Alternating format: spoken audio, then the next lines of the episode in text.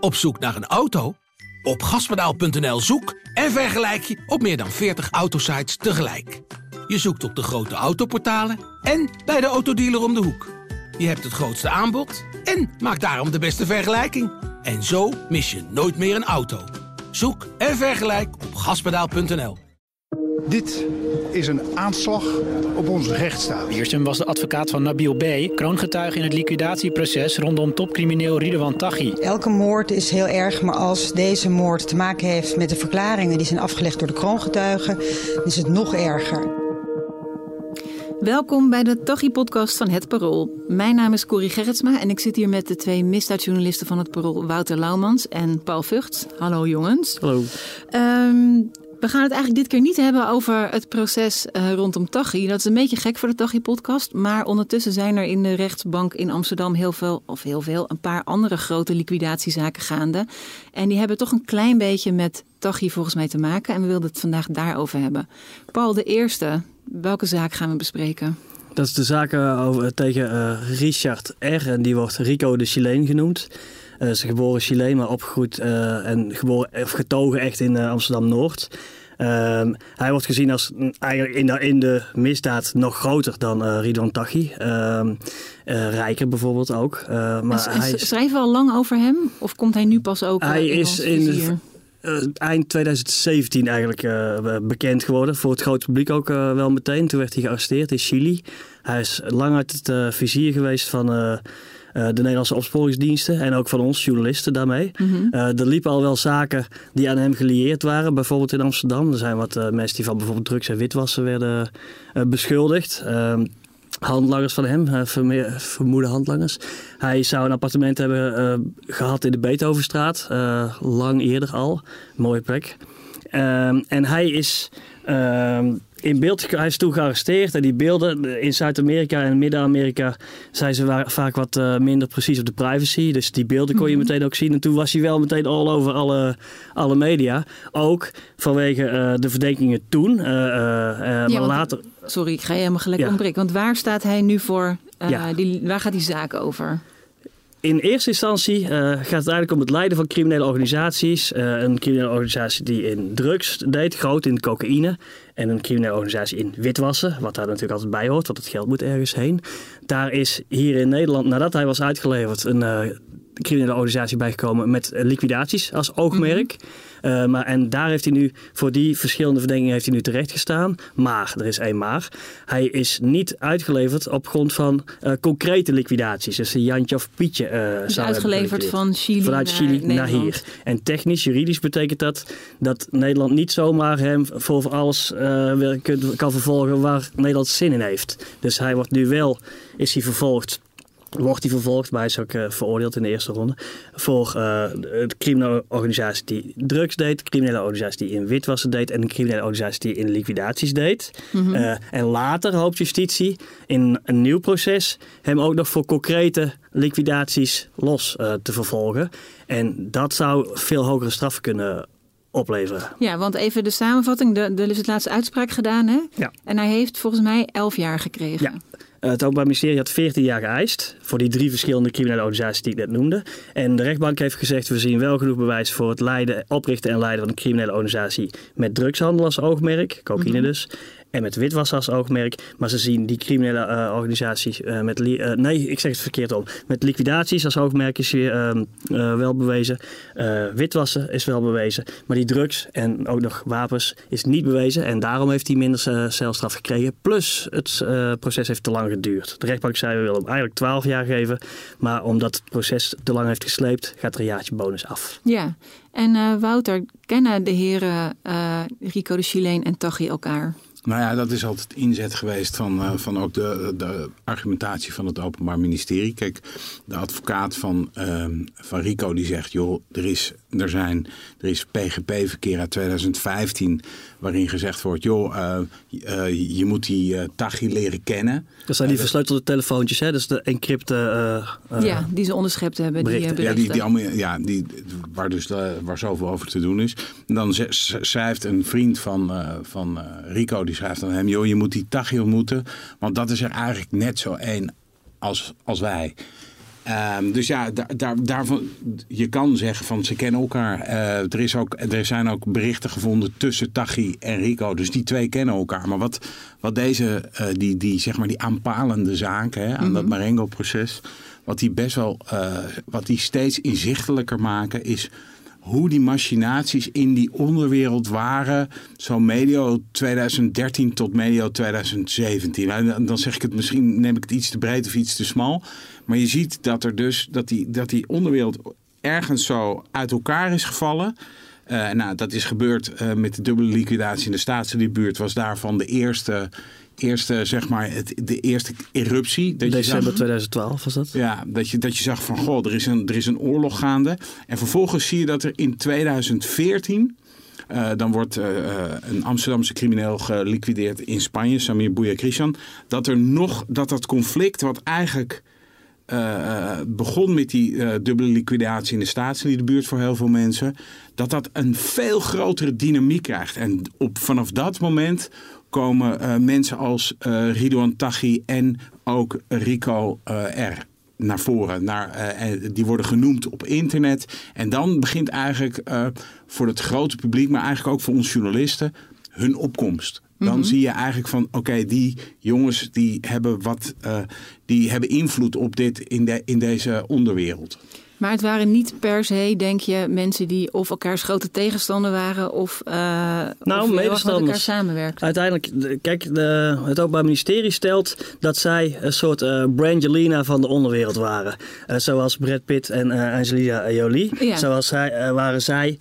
Tachi wordt Sir genoemd. Hij wordt Hermano genoemd volgens het Openbaar Ministerie. En samen hebben zij uiteindelijk hebben ze het over wij zijn samen Hermano Sir of Sir Hermano. Snap je? Dus Maar, eh, zij kijken dat af. Samen, samen Ja. runnen wij even die hele, die Ja, en dan hier. moet je het zo zien. eh, en dat is voornamelijk wat het Openbaar Ministerie zegt. Hè, dat je één poot hebt Amsterdams georiënteerd. En dat is de in Amsterdam-Noord eh, opgegroeide Rico de Chileen die dat aanstuurt. En een poot meer uit eh ruwweg uit de regio Utrecht. eh, en, en die, zij verdelen liquidaties ook. Dus het geweld zou in Amsterdam moeten worden gepleegd door Rico de Chileen en consorten. En elders door Tachi en consorten. En dat is in veel van die berichten zie je dat ook terugkomen. Ja, en denk je dat ze, want ik weet enkele van die berichten, dat gingen ook bijvoorbeeld over dat waarschijnlijk Tachi had gezegd, we moeten die KK Plooi laten slapen. Hè? Van, eh, je kan beter uitleggen wie hij was. Ja, En dat is, Herma- Herma- gelukkig. zeg ik weer Hermano, dat Rico de Chileen daar juist een beetje matigend in Ja. was. Dus hij is wel, staat er wel anders in. En dat is wel eh, symbolisch voor, eh, voor ook als je in de rechtbank bijvoorbeeld deze Rico de Chileen ziet zitten. Hij ziet eruit als een, ja, een leider van een, een bedrijf. En hij formuleert keurig, hij is aardig tegen de rechters, hij doet eh wellevend en hij weet heel goed dat hij in de rechtszaal verder toch niks te winnen heeft met, met dom gedrag. En zo zie je het in het berichtverkeer ook eh, door. Dus Tachi komt naar voren als het allemaal Tachi is. Hè. Laten we even vanuit gaan, dat is de stelling van justitie. Tachi zie je dan de hele tijd als een bok op de havenkist. Wam, wam, wam, die wil die dood, die dood, die laten slapen. En op een gegeven moment zegt hij over een vooraanstaande officier van justitie, eh, Koos Plooi. Die, laten, die KK Plooi, kanker Plooi, laten eh, slapen. En dan zie je inderdaad dat Rico de Chileen zegt, eh, oeh, die moet een beetje om lachen, maar nee, laten we dit maar niet doen. Met andere woorden, dan is het eindzoek, dan gaan we er allemaal aan natuurlijk. Ik heb ook de indruk dat Rico wat meer, en dat klinkt een beetje gek, gepokt en gemazeld is in dat eh, criminele milieu. Dus die Rico die is opgegroeid in Amsterdam-Noord. Ehm, zijn vader eh, is eh, toen Rico klein was in aanraking gekomen met de politie. Heeft, die heeft gevangenisstraffen uitgezeten. Maar ook Rico zelf heeft al eens een, een, een stevige, is tegen een stevige straf aangelopen in Duitsland. eind jaren negentig. Ook voor drugs. Voor, ook voor drugs, voor de handel in, in cocaïne. Het lijkt wel, en Tachi, eh, wie je ook over Tachi spreekt, die zegt ja, die heeft geen dag gezeten nog. Dus het lijkt erop alsof Rico eh, zich wat meer bewust is van De gevolgen. de gevolgen van, eh, van daden die hij doet. Terwijl Tachi, ehm, ja, die, zit- die zit inderdaad, zoals, zoals het eh, net ook werd gezegd, die, zit, die jaagt echt. En Ja. hij- Rico is, die lijkt te temperen. Aan de andere kant zijn er natuurlijk ook berichten gevonden waarin Rico eh, schrijft van joh, eh, die ene jongen, eh, die noemen ze dan Boululu. Dat is een, eh, een jongen uit een rivaliserend kamp. En dan zit hij echt, hey joh, die gaat dan en die moet, eh, je moet wel eh, uit zijn buurt blijven, want hij gaat echt. Ja. Dus dan, dan, dan lijkt hij op de hoogte van een op handen zijnde liquidatie. En dan, dan geeft hij daarin ook echt wel een soort met van. Lijkt hij een soort orders te geven. Ja. Als die telefoon van hem is natuurlijk. Hè? Want dat is een, wat justitie betoogt. En, nou ja, goed, Ja, we zeggen riedel. allemaal vermoed erbij. Ja. Hey, en die, en die eh, beiden zitten nu in Vught, of niet? In de EBI. Ja, Ja, klopt. Rico, Zeker zonder contact. Rico zit op de gang bij Willem Holleder. Ja. En met nog een andere grote figuur uit eh, de scene, Ben. Dus je hebt, kijk, je moet in de EBI, is een gevangenis binnen gevangenis. En binnen die gevangenis binnen gevangenis heb je nog weer aparte afdelingen met max eh, zes personen. Mhm. en, en zo zitten zij, zitten een paar fi- voor ons interessante figuren zitten bij elkaar op één, eh, één afdeling. Dus eh, ze, de Holleder heeft alles geklaagd. Nee, eh, Rico de Chilene heeft alles geklaagd dat Holleder de hele tijd maar de, de gevangenistelefoon eh, eh, bemant, waardoor hij niet kan bellen. Ja. Nou, maar zo, zo, zo zie je dat wel op, op meer van die gangen. Dus op een andere gang eh, zit. En, en dat is eigenlijk ook wel weer grappig. Of grappig, eh, hoe zeg je dat? Intrigerend. Intrigerend. Ja, ik moet het even goed formuleren. Maar je moet bedenken dat zo iemand als eh, Ben, die dan ook op die gang zit, samen met Rico. Dat, die, dat wordt wel gezien, dat is een tijd lang werd dat gezien als echt rivaliserende kampen. En een gang verderop zit Galitier. En die zit eh, eh, samen met Omar Lekorf. En ook dat werd, werd gezien als hebben. rivaliserende kampen. Dus die rivaliserende kampen van Waleer, die zitten nu soms gewoon tegen. samen in de gevangenis. Op dezelfde gang. Ik weet niet, komen ze elkaar echt tegen? Of Ja, is het zo Ja, gescheiden dat koken, ze dat- elkaar dat- niet... dat- eh, En dan, ja, dan, misschien komen ze dan ook wel achter dat eh, eh, de vraag van was het het allemaal wel waard? Ja. Nou kijk, in zo'n EPI moet je je voorstellen, je hebt bijna met niemand contact dan met de medewerkers van de gevangenis. Eh, behalve dan met degene die op jouw afdeling zitten. De bedoeling is dat ze samen mogen koken en zo. Er zijn allemaal heel res- restricties en zo. Ik ben daar wel eens geweest daarbinnen. En eh, Mhm. nou ja, het, beneemt je wel je lucht hoor, als je eh, ziet hoe zij ik ben er nog nooit geweest. Ik zou dat komt wel- nog. Ja, het- het- het- ik, maar het moet heel beklemmend zijn, heb ik ook begrepen. Ja. ja. Ja, ja dat, dat is. En, maar goed, je, dus je hebt het hele schaarse sociale contact dat je hebt, heb je dan toch voornamelijk met je medegedetineerden en, en dan het vluchtige met de bewaarders en zo. Je zult vast ook wel een vertrouwensband met sommige bewaarders hebben. Maar zij zijn tot elkaar veroordeeld vrij letterlijk Ja. eh, daar in die Ja. EBI. Hey, en die, eh, kunnen we nog iets inhoudelijk vertellen over waar Rico de Chileen nou voor veroordeeld is? En Ja. Of dat nog, heeft dat wat er in die zaak gebeurt ook echt nog gelijk effect op Marengo? Dat daar iets uitkomt wat invloed heeft op Nou, dat proces? Wat ik het opmerkelijk vond van de, eh, van de, zeg maar, de hele reeks proforma's. Want eh, Paul die heeft de inhoudelijke behandeling van, van Rico gedaan. En ik, maar ik heb wel, ben wel bij een aantal proforma's. Is de hele waslijsten die het OM heeft voor alle voordrachten van het OM. Die zagen eigenlijk op verhoudingen in het criminele milieu van Amsterdam en Dubai. En weet je wel, maar die zagen daarop. En als je dan eigenlijk over die, over die drugs en over die witwat. Nou, daar, zeiden ze wel eh, drie alinea's in, in, in, een, in, een, in een toelichting van acht kantjes. En dan, dan had je het wel een beetje. Ja, maar dat komt doordat de zaak van Rico de Slee dus begonnen is met drugs en witwassen. Ja, Eh, en toen hij eenmaal hier was en toen het onderzoek vorderde en toen die uh, versleutelde berichten werden doorgespit en zo, toen bleek het veel meer een verdenking over allerlei liquidaties en, en eh, toprollen in het milieu waarin de ene partij de andere partij naar het leven staat en zo. En is dan, je ziet dan liquidaties. Er is bijvoorbeeld een plan om iemand in Dubai te eh, laten liquideren door ninjas, wordt dan gezegd, met messen. Eh, de achtergrond daarvan is dat het in Dubai moeilijker is om met vuurwapens iemand het eh, leven te benemen dan, eh, dan anderszins. Want eh, dat is... eh, uh, vuurwapenbezit in Dubai is, uh, wordt als lastig beschouwd, uh, okay. als ik het eufemistisch stel. En er zijn zaken hier. En je ziet dan, dus het gaat, het gaat meer om de structuren waarin heel lichtvaardig over leven en dood wordt beschikt. Dat is ook wel een basis onder het vonnis. Uh, mm. Van dat, de kilte, de, de verschrikking waarin mensen zomaar even achterloos zeggen... Ah, zullen we die laten slapen, zullen we die eraf halen uh, of laten zakken. Dat is ook mm. nog wel zo'n uh, metafoor. Um, en, en het Openbaar Ministerie wil heel graag nu dus nog aan Chili gaan vragen... mogen we voor deze, deze, deze, deze uh, specifieke liquidatie hem ook nog weer vervolgen. En dat is een diplomatiek proces. Daar hoeven we het verder niet lang over te hebben. Maar dat is tot nu toe een struikelblok geweest waar uh, dat de reden is waarom de zaak over criminele organisaties alleen gaat en niet over losse moorden. En waarom is hij eigenlijk geen verdachte in het Marengo-proces? Of hij komt niet zozeer daarvoor? Dat is ook eigenlijk best wel gek, want uh, de criminele organisatie waarvan hij dus, uh, waarvan hij dus wordt veroordeeld is dat hij daar leiding aan heeft gegeven. Die zou, een van de moorden die daar in dat dossier genoemd wordt, is die op Martin Kok. Maar daar is hij niet verdachte van. De misdaadblogger. Ja, en daar, dat, dat heeft zijn advocaat ook wel beargumenteerd. Van hij luister, waarom, waarom zit die naam erin. Want hij wordt, hier helemaal, hij wordt in Marengo niet vervolgd. En daar, dat draait om, voor een deel. Zijn advocaat zei steeds, er is zoveel ruis. Het OM gooit allemaal die namen en zo. En de misdaadjournalisten achter het kogelweerde glas zitten allemaal driftig uh, mee te typen en zo. Maar ik zie het mhm. niet op de aanklacht staan. En, uh, ja, maar dat, was ook waar. Ik, ik, ik, eh, voor, mij, voor, voor mij en voor ons waren die gewoon die, die, die, die toelichtingen. Ja, dan, zie je, dan toen liet eigenlijk het OM zien uh, van hoe zij de zaken uh, van afgelopen acht jaar, hoe zij dat uh, bezien.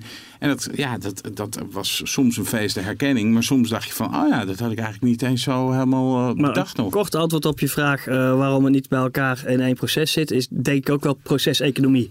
Uh, het Openbaar Ministerie wil ook het een beetje in stukken hakken. ja, ik kan me ook voorstellen dat als je iets isoleert, dat je daar, dat ook eerder af kan ronden en dat je daar ook een uitspraak op kan doen. Maar je hebt nu al, zoals ik zei, al een jaar strafaftrek gekregen voor uh, Rico de Chileen, omdat het al te lang geduurd heeft. Nou ja, wat zou er gebeurd zijn als het nog veel langer zou gaan duren? Ja. En, kijk, dat is bij hem interessant, want dat moeten we misschien ook niet vergeten te vertellen. Kijk, Ridwan Taghi hangt uh, levenslang boven het hoofd. Als dat als maar de helft waar is van wat hem wordt verweten, mm bewezen kan worden verklaard, dan krijgt hij waarschijnlijk levenslang. Bij uh, Rico de Chileen is dat heel iets anders. We zitten in orde van grootte, uh, een strafeis van 14 jaar. Nu krijgt hij een straf van 11 jaar. Dus, en daar gaat nog een derde vanaf. Uh, dus die tijd, die, uh, die klok tikt. Ja. Uh, dus, dus het Openbaar Ministerie wilde ook wel heel erg zorgen dat hij niet nog meer strafkorting zou krijgen als straks, uh, doordat zij het proces te lang onnodig laten slepen. Maar goed, het OM is dus ook nog niet helemaal klaar met hem, omdat ze misschien nog... Nee, die hopen En Rico is ook nog niet klaar, want die gaat misschien nog wel in beroep.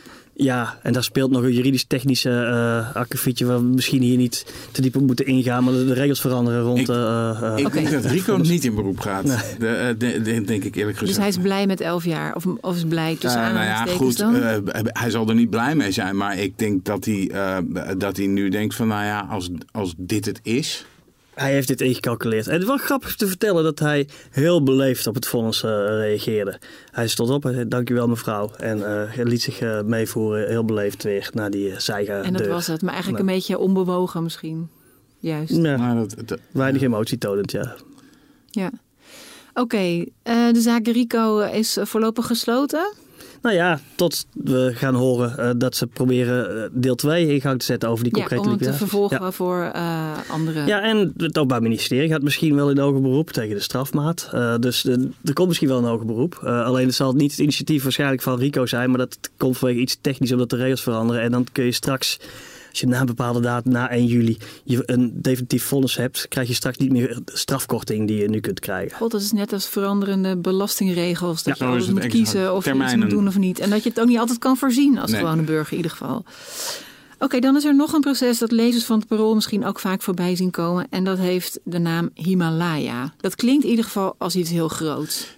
Dat heeft ja, een van die, dat heet in de wandelgangen het proces Himalaya, maar dat is niet zo als het Marengo-proces. Dat heet echt het Marengo-proces en dat heeft een aantal eh, deelzaken. Ja. En uh, Himalaya is dat niet. Dus sommige mensen die zeggen ook van ja, maar dat proces heet helemaal geen Himalaya, maar zo is het een beetje. Eigenlijk heet één deeldossier heet Himalaya. Dat gaat om de eerste moord waar het mee begonnen is. Het gaat over de moord op Aleki uh, Gillis, een Amsterdamse crimineel die aan Zaandam woonde februari 2014 is vermoord daar. Mhm.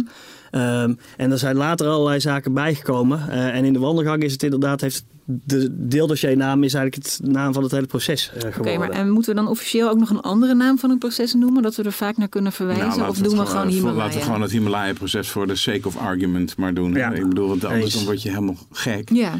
En... Uh, dat proces, kijk, ik bedoel, het is nu um, Marengo voor, Marengo na.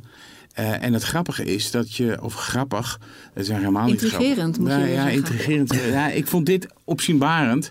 Dat de, de, de aandacht voor dit proces, dit was het Marengo-proces voordat het Marengo-proces er was. Dit ging over liquidaties, over een Amsterdamse onderwereldoorlog die compleet uit de bocht eh, gevlogen was. Waarbij eh, volgeschoten werd in de publieke ruimte. Waarbij bijvoorbeeld de eerste, en dat is een rottige term en ik weet dat we hem bij het parool niet gebruiken, maar vergismoord. Eh, was, dat is sindsdien, sinds die tijd is dat opeens een, een woord dat eh, daders zich ver- vergissen in het slachtoffer of het beoogde slachtoffer en de verkeerde eh, Ja, doodschieten Want door dat een ging blunder. over Stefan Eggermond. Ja, En dat is een bekende zaak. Vertel. Ja, dat- kort.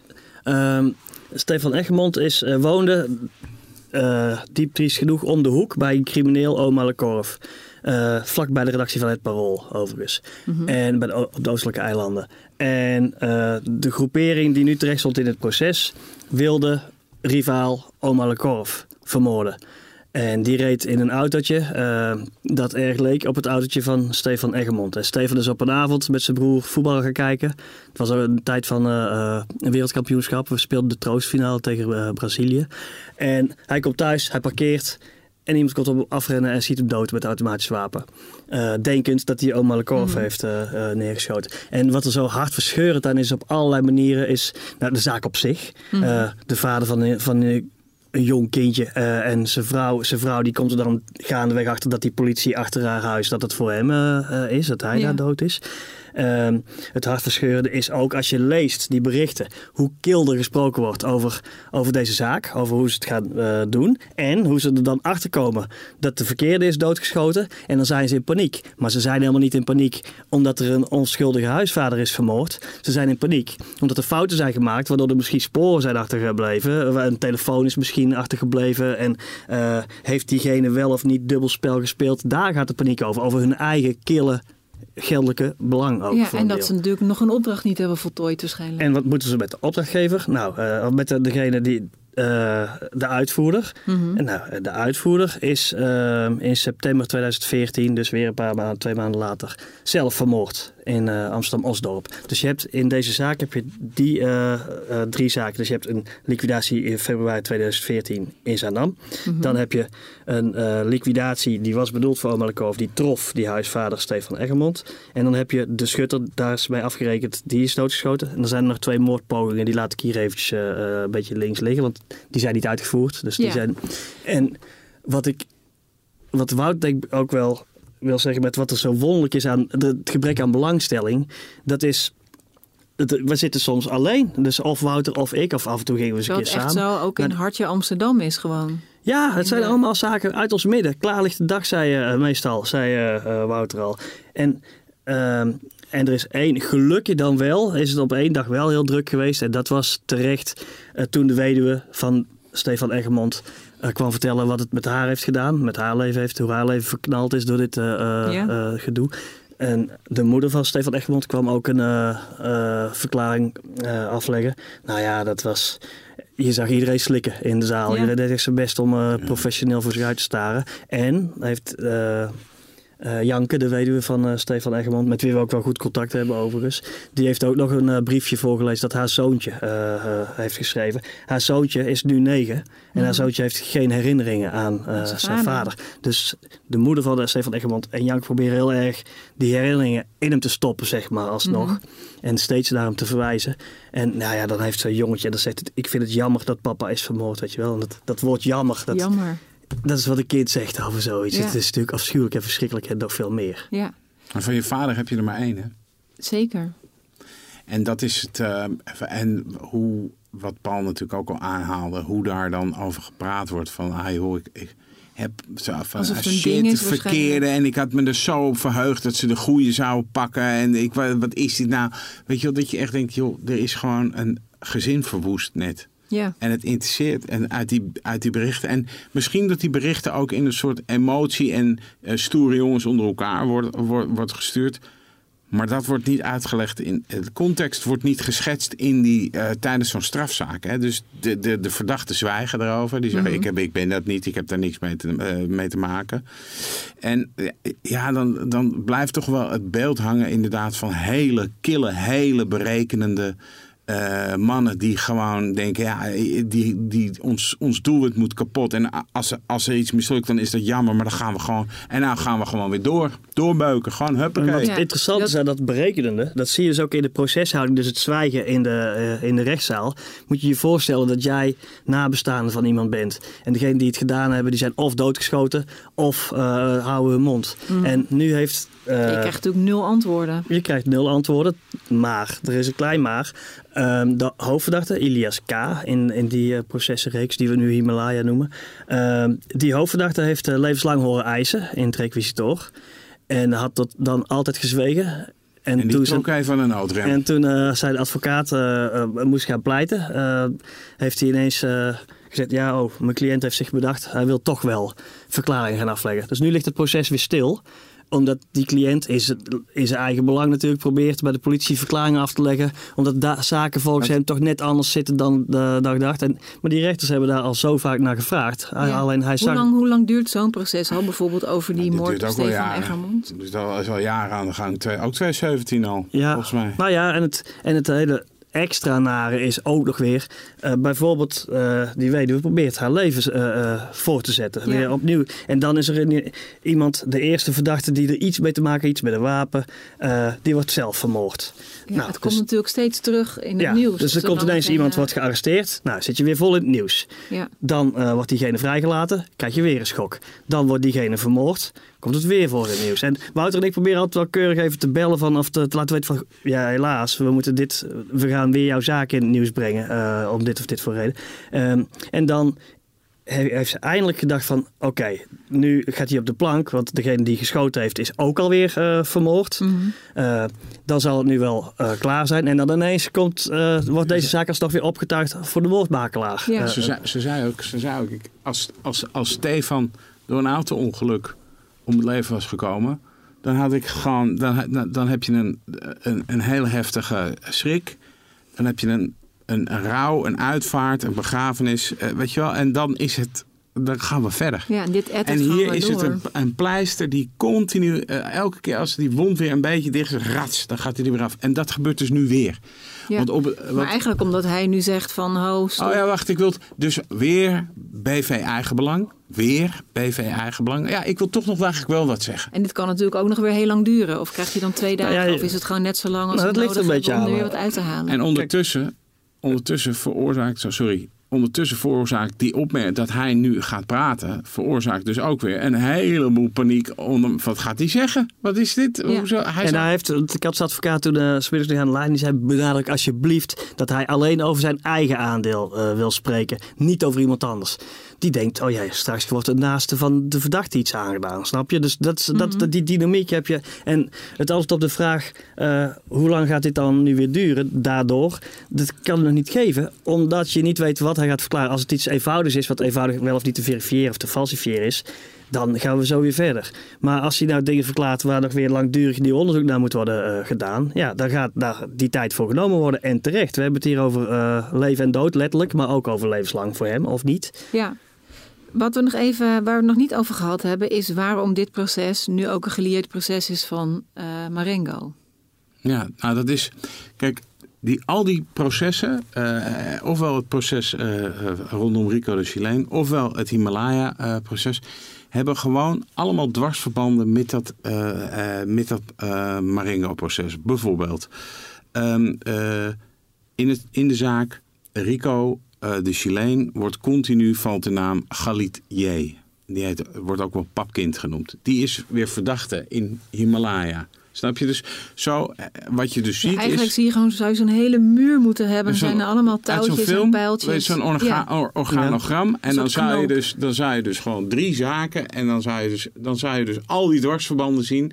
En dan zou je dus een heleboel rode lijntjes zien. Dan zou je denken, wauw, wat een spinnen. Ja, met van die mensen. verstanden dat die dynamisch zou moeten zijn, die afbeelding. Want die Ze partijen... verplaatsen. Eh, Ze, ze- ja, Ja. ze verplaatsen zich, ze lopen over, ze plegen verraad. Ze, ze, ze- ineens is de vriend van gisteren de, de, je vijand van vandaag, want die heeft iets gedaan eh, wat, waar jij verraad in Ja. ziet. Ja, En dus, We moeten hier een app van maken Nou ja, maar Paul, heeft, Paul, heeft in het verleden, het is altijd een zinnetje wat altijd in mijn achterhoofd, toen werkten wij nog helemaal niet samen. En toen waren we zelfs elkaars concurrenten. Maar toen in 2013, eh, ehm, eh, dat, of zo, je hebt ooit een keer iets geschreven, de berichten geven vol zicht op de paranoia en de, en de eh, onzekerheid in het milieu. En dat is ook zo. Je ziet gewoon, de, je vriend van vandaag is morgen je vijand en staat je naar het leven. Mhm. En, eh, en, en eigenlijk de kameraadschap en de broederschap daar waar zo over, opgehoog, over opgegeven wordt in al die berichten, dat bestaat niet. Niks. Dat is er niet. Nee, die is op dat moment Is gewoon misschien nep. net en daarna niet meer. Maar nog even, dus eigenlijk, ik ga toch weer even lekker zakelijk naar, voordat de luisteraars er nog een beetje wat van snappen. Eh, dus Oh, eigenlijk, bedankt. ja, het zijn net die, nee, dat zeg ik overdreven. Dat is voor mijn eigen, om even al- alles af te tikken of we alles hebben.